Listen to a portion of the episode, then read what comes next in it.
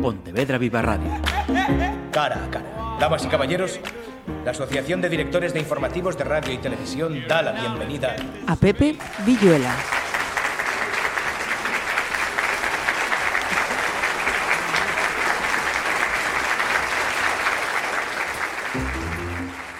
Desde este pasado jueves y hasta el domingo se desarrolla en Pontevedra Guerrilla, un festival que se define como cultura reivindicativa. Y en el elenco de participantes está el actor y humorista que nos va a acompañar en este cara a cara, Pepe Villuela. Gracias por acompañarlos, primero de todo. Un placer estar aquí, gracias por hacerme un hueco. Gracias. Será la jornada del sábado cuando está previsto que se proyecte la película documental Un viaje hacia nosotros. Un proyecto con el que, mm, además de actor, eres también co-guionista y productor y que parte además desde lo más personal de tu familia y trasciende a este mundo global para hablar en definitiva de derechos humanos. ¿Qué supone para ti, Pepe, ese viaje hacia nosotros?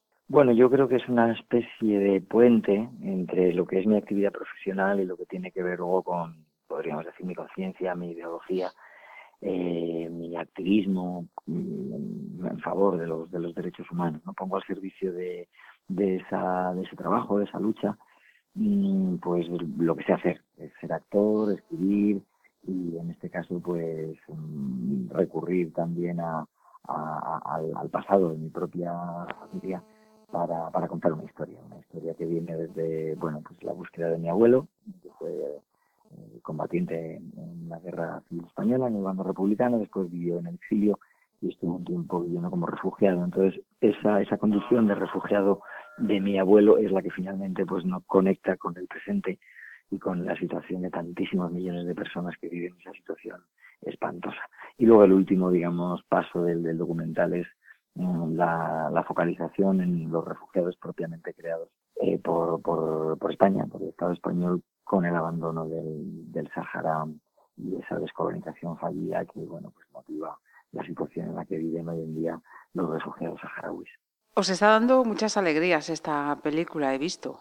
Eh, sí, la mayor alegría hubiera sido no tener que hacerla, el, no tener que hablar de un, de un, asunto tan duro. Pero sí que es cierto que el resultado y la acogida que está teniendo el, documental está siendo muy, muy bueno. Estamos recibiendo algunos premios y sobre todo yo creo que lo más interesante es que estamos llegando a, a mucha gente con la idea de, bueno, pues de hacerles pensar, de hacerles reflexionar. No sé si llegará mucha gente más allá, quiero decir, si cambiarán de ideas, pero por lo menos el plantear el tema ya supone supone que es algo un reto importante, ¿no? Porque vivimos creo que muy de a la realidad, excesivamente también yo diría que contaminados por una eh, información sesgada acerca de los temas y, creemos, bueno, creemos que contribuimos por lo menos a que la gente siente curiosidad y se ponga a buscar por sí misma y a hacerse preguntas acerca de la cuestión de los refugiados, que es, bueno, es amplísima, muy, muy delicada, pero que no es un problema ajeno a nadie. De la misma manera que yo me sentí bastante refugiado cuando tomé conciencia de que mi abuelo lo había sido, el hecho de pensar que hay tanta gente que está viviendo esta situación en estos momentos me hace pensar que no soy ajeno a ello y que en cualquier momento además me puede tocar a mí me puedo convertir en refugiado político, en refugiado eh, por cuestiones climáticas. Mm, hay múltiples, múltiples motivos. Hay gente que lo sufre por cuestiones de género. Mm, hay, hay represión y, huida de los lugares de origen de mucha gente por, por razones muy diversas, ¿no? Y ya parece ser, bueno, un dato de que superan los 100 millones de refugiados el, el planeta. Es todo un, todo un país mm, muy poblado de gente que, necesita, bueno, pues yo creo que por lo menos ser escuchado. Precisamente uno, creo, de los, de los grandes problemas, de los grandes retos a los que se enfrenta esta sociedad actual global. Mm. Esto no es una cuestión de país, esto es una situación global y generalizada de la que no escapamos nadie, como dices. Eso es, eso es. Sí, eh, yo creo que eh, como hay, hay una frase en el documental que habla de bueno que el mundo para bien o para mal es un hecho absolutamente incontestable, se encuentra globalizado. Entonces, la globalización de los beneficios de esa globalización está muy bien asumirla, pero también la de los, digamos, los problemas. ¿no? Eh, pensar que lo que ocurre en el país de al lado no es un problema porque no está aquí, mm, bueno, sí que está aquí. Quiero decir, me estoy refiriendo ahora claramente pues, a, a, la cuestión de Melilla. Por ejemplo. Eh, bueno, pensar, eh, según el ministro Marlasca, que no es un problema nuestro por el hecho de que no haya habido muertos en nuestra zona, a pesar de que está a unos metros de distancia de donde sí los ha habido, externalizar las fronteras, pretender sacarse el problema de un plumazo con ese argumento tan, tan débil, me parece, bueno, primero me parece una falta de vergüenza y después me parece muy peligroso, porque bueno, estamos poniendo, mm, en este caso me refiero, eh, la externalización de las fronteras nos lleva a confiar en que Marruecos va a hacer una buena gestión de todo aquello que ocurra en una frontera que es la nuestra también. Entonces, bueno, pues por, por poner solamente este, este ejemplo, pero hay muchos, ¿no? Están, todo lo que tiene que ver con los refugiados está lleno de irregularidades, de injusticias, de inobservancia de los derechos humanos. Entonces, bueno, pues eso es un problema de todos. En este caso me he referido a, la valla melillense porque es un asunto plenamente mm, nuestro. nuestro.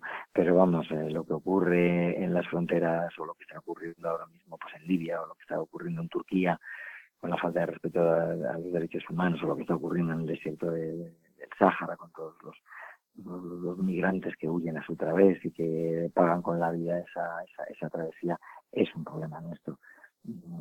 Por mucho que hemos hecho hemos hecho nuestro el problema de los refugiados ucranianos y deberíamos hacer nuestro también el problema de los eh, por ejemplo de los subsaharianos mm, porque creo que la mejor manera de, evitarlo es precisamente saber que es un problema nuestro y que tenemos que ir a la raíz que tenemos que ir a esos países y esos lugares de donde parten para ver qué es lo que está pasando y probablemente contribuir a que deje, de ocurrir eso Precisamente. La gente, no se va de su casa porque quiere, la gente se va porque tiene que coger deprisa una maleta y marcharse corriendo porque su vida corre peligro. Eso debería hacernos pensar si, si bueno, si no tenemos algo que hacer. ¿no? Esta película se va a proyectar a las 5 de la tarde y a las 9 mm, pasamos a la, a la faceta humorística de Pepe Villuela con la representación de Encerrona que si no me equivoco, Pepe, eh, lleva contigo alrededor de 30 años. Sí, sí, esto eh, nació pues con casi podría decir como con mi salto al mundo profesional, ¿no? Mm, fue el primer espectáculo que, inventamos, eh, hablo de mi mujer y de mí, seguimos inventándolo todavía y es el que ha recorrido, es la espina dorsal de toda mi carrera profesional porque de él empezaron a surgir el resto de los trabajos que me han eh, acompañado después, que he podido hacer después. Los otros trabajos han ido cumpliéndose y acabándose con sus plazos y demás, y este continúa vivo. Entonces, yo creo que sigue siendo, como eh, decía, la columna vertebral o la vía maestra por la que yo he, ido consiguiendo todos los trabajos posteriores y yo diría que por, por la que he ido aprendiendo más, porque me, sigue aportando muchísimo este, este, este, espectáculo. Es un, es un viaje maravilloso cada vez que me subo al escenario para representarlo y, y hecho, vamos, hago cuentas con las horas que me faltan para, para volver a hacerlo, porque yo creo que es de los momentos más felices de, de, mi existencia, los que paso en el escenario con este, con este señor, con este payaso, este personaje que ya se ha convertido en un alter ego que, que no solamente me acompaña a todas partes, sino que yo creo que me sigue enseñando muchísimas cosas. Mira, esta eh, circunstancia, el hecho de que sea un espectáculo de, humor que sigue vigente durante todo este tiempo, evidencia que hay un humor que, que, lleva muy bien el paso del tiempo y que no caduca, a diferencia de, otros que, que, se notan recesos, ¿no? ¿Cómo, ¿Cómo, se consigue, Pepe? Bueno, yo la verdad es que no es, no es un planteamiento que me hiciera, ¿no? Es decir, a ver cómo hago un, un espectáculo o cómo genero un personaje que, que bueno, que, que mm, sea transgeneracional, ¿no? que vaya pasando por generaciones diversas. Mm, no, no me lo planteé, surgió así, yo creo que quizá porque me interesa un humor que hable de los, podríamos decir, universales humanos, ¿no? de, de, de, la derrota, del fracaso, de nuestro, nuestra vulnerabilidad, de la ternura, por otra parte, también, ¿no? De nuestra necesidad de supervivencia. Entonces, pues unos son factores o características que han ido apareciendo dentro del, dentro del personaje eh, y que yo creo que son compartidas pues por, por, por, mucha gente. Luego hay un carácter también mm, fundamental, me parece que es el, el, aspecto visual, porque aunque el personaje pues habla a su manera, pero habla, la, digamos la pata fundamental del, espectáculo está en lo visual, en el juego. Mímico y en el, en, el humor basado pues en, el gesto. Entonces, pues eso hace que llegue no solamente a personas de diversas edades, sino también a distintas partes del mundo, que, pueda viajar.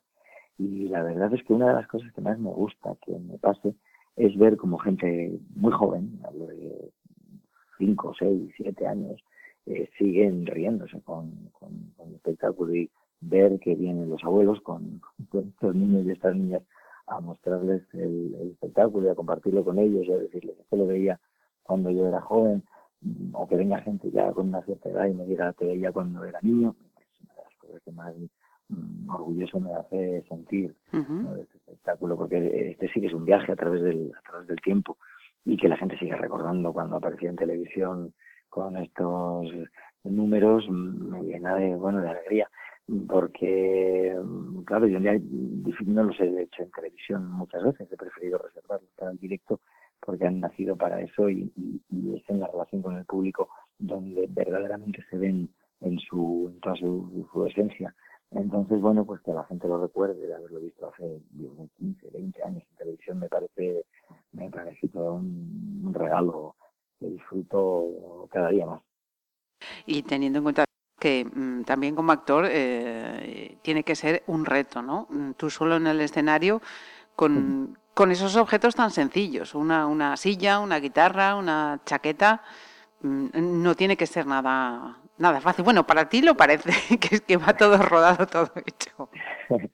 Bueno, yo creo que lo que lo que permite el paso del tiempo y que vayas puliendo eh, cada minuto, cada segundo, cada gesto, cada cosa que haces, es precisamente eso, ¿no? Que vas reduciendo a lo esencial y que vas encontrando cuáles son los puntos que necesito clave, ¿no? Para, para hacer llegar lo que quieres y conseguir eh, la risa. Y luego sí que me he ido decantando con el paso de este tiempo a los espectáculos cuanto menos adornados, digamos, mejor eh, la sencillez, la austeridad en el escenario, la austeridad en lo que se refiere a la fotografía, en lo que se refiere a la utilización de medios técnicos, mm, pues mm, apenas hay luz, la suficiente para que se me vea. Pero bueno, eso también lo he ido incorporando al espectáculo porque antes era un poco más complejo, a, base de, pues, de, probarlo en sitios donde no había eh, material con el que trabajar. Pues hablo de campos de refugiados, hablo de lugares en los que hay que trabajar a plena luz del día y sin escenario sobre la tierra. Mm, eso me ha hecho darme cuenta de que era lo, verdaderamente importante a la hora de comunicar con la gente, ¿no? Aquello que se cuente y cómo se cuente desde, desde la interpretación del, del cómico, del, actor.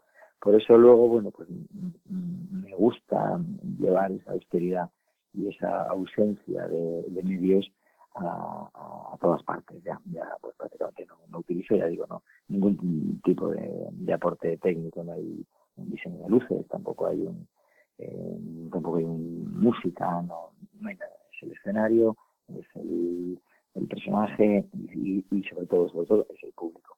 Y esa relación que se produce entre ambos, a esa esencia. Mm, eh, y además yo creo que ayuda todo eso a tener la sensación de que lo que está ocurriendo eh, no es ficción, aunque esté muy claro que lo es, pero que ocurre en ese momento, que lo que le está pasando al personaje en ese momento de escena eh, está ocurriendo ahí, en ese momento. No, no, nos está contando nada que no esté pasando en ese momento, pero está sufriendo en el escenario las consecuencias de verse mirado por los espectadores y, el hecho de tener que salir adelante como sea para sobrevivir a, a, esa, a esa circunstancia.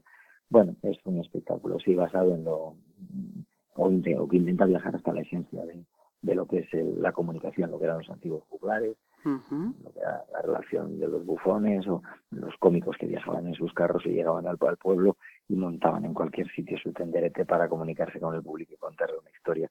Bueno, eh, yo creo que todo eso se ha ido mm, filtrando dentro de la filosofía del espectáculo y, y, y, es lo que ha terminado siendo, ¿no?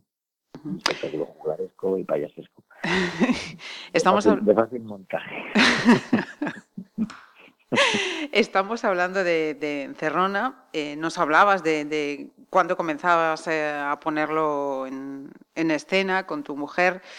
Eh, pero mm, vámonos a la Paura. ¿Cómo es eh, subirse al escenario junto a tu familia, Pepe? Eso ha sido una maravilla que no concebimos nosotros. Esto lo pensó un amigo de la familia y eh, especialmente mío, diría yo, porque cursamos arte dramático juntos en la Escuela de Arte Dramático en Madrid.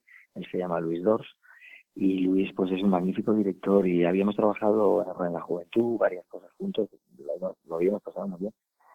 Y con el paso de los años nos hemos vuelto a encontrar y él me propuso hacer este, este experimento, ¿no? Una lectura a media, no nos aprendíamos los textos, íbamos vestidos, ahí sí que había un, diseño de luces, y una música y una escenografía, y, y, lo más interesante para nosotros era que estábamos por los cuatro en, en escena, eh, Samuel, Camila, nuestros hijos, y Elena y yo, y, disfrutando muchísimo de, un texto precioso de, de, Filipo, que está escrito en la época posterior a, la Segunda Guerra Mundial y que trata bastante temas relacionados con, con, con, el presente, ¿no? La pobreza, el miedo, eh, la precariedad, la dificultad de enfrentarse a las crisis. Eh, bueno, el hacerlo, mm, actualizarlo no hacía falta demasiado, pero sí que había unos, una serie de guiños al presente, pero efectivamente lo más interesante para nosotros era eh, esa experiencia de trabajar juntos que nunca habíamos estado los cuatro subidos a la vez a un escenario, ¿no? Hemos coincidido por parejas los dos hijos, la madre con los dos hijos, pues, yo con ellos también, pero todos juntos, todos juntos nunca, nunca habíamos estado. Entonces, bueno, pues nos sentíamos como una especie de, de, compañía a la vieja usanza, eh, como eran las de antes, ¿no? Pues, como la compañía González Villuela o Villuela González, que, que subía al escenario con sus hijos y, y, lo pasamos muy, muy, muy bien. Fue, fue muy breve, fueron apenas cuatro días, pero, pero con ganas de, con ganas de repetir desde luego y bueno, pues ahí con esa idea de por qué no crear una compañía familiar. Pues eh, quién sabe si un día volveremos a charlar con Pepe, mm, porque trae la Paura aquí de nuevo a, Pontevedra. Mientras tanto, pues nos quedamos con este sábado, con ese festival guerrilla en el que estará Pepe Viola aquí en Pontevedra. Así que muchísimas gracias por estos minutos de charla, Pepe. Un placer. Pontevedra Viva Radio. ¿Me permiten que les haga un comentario como espectadores del programa Cara a Cara? Según un reciente sondeo de mercado, ustedes disponen de estudios e inteligencias superiores a la media. Sus intereses abarcan desde la actualidad mundial y la ciencia hasta el deporte y los espectáculos.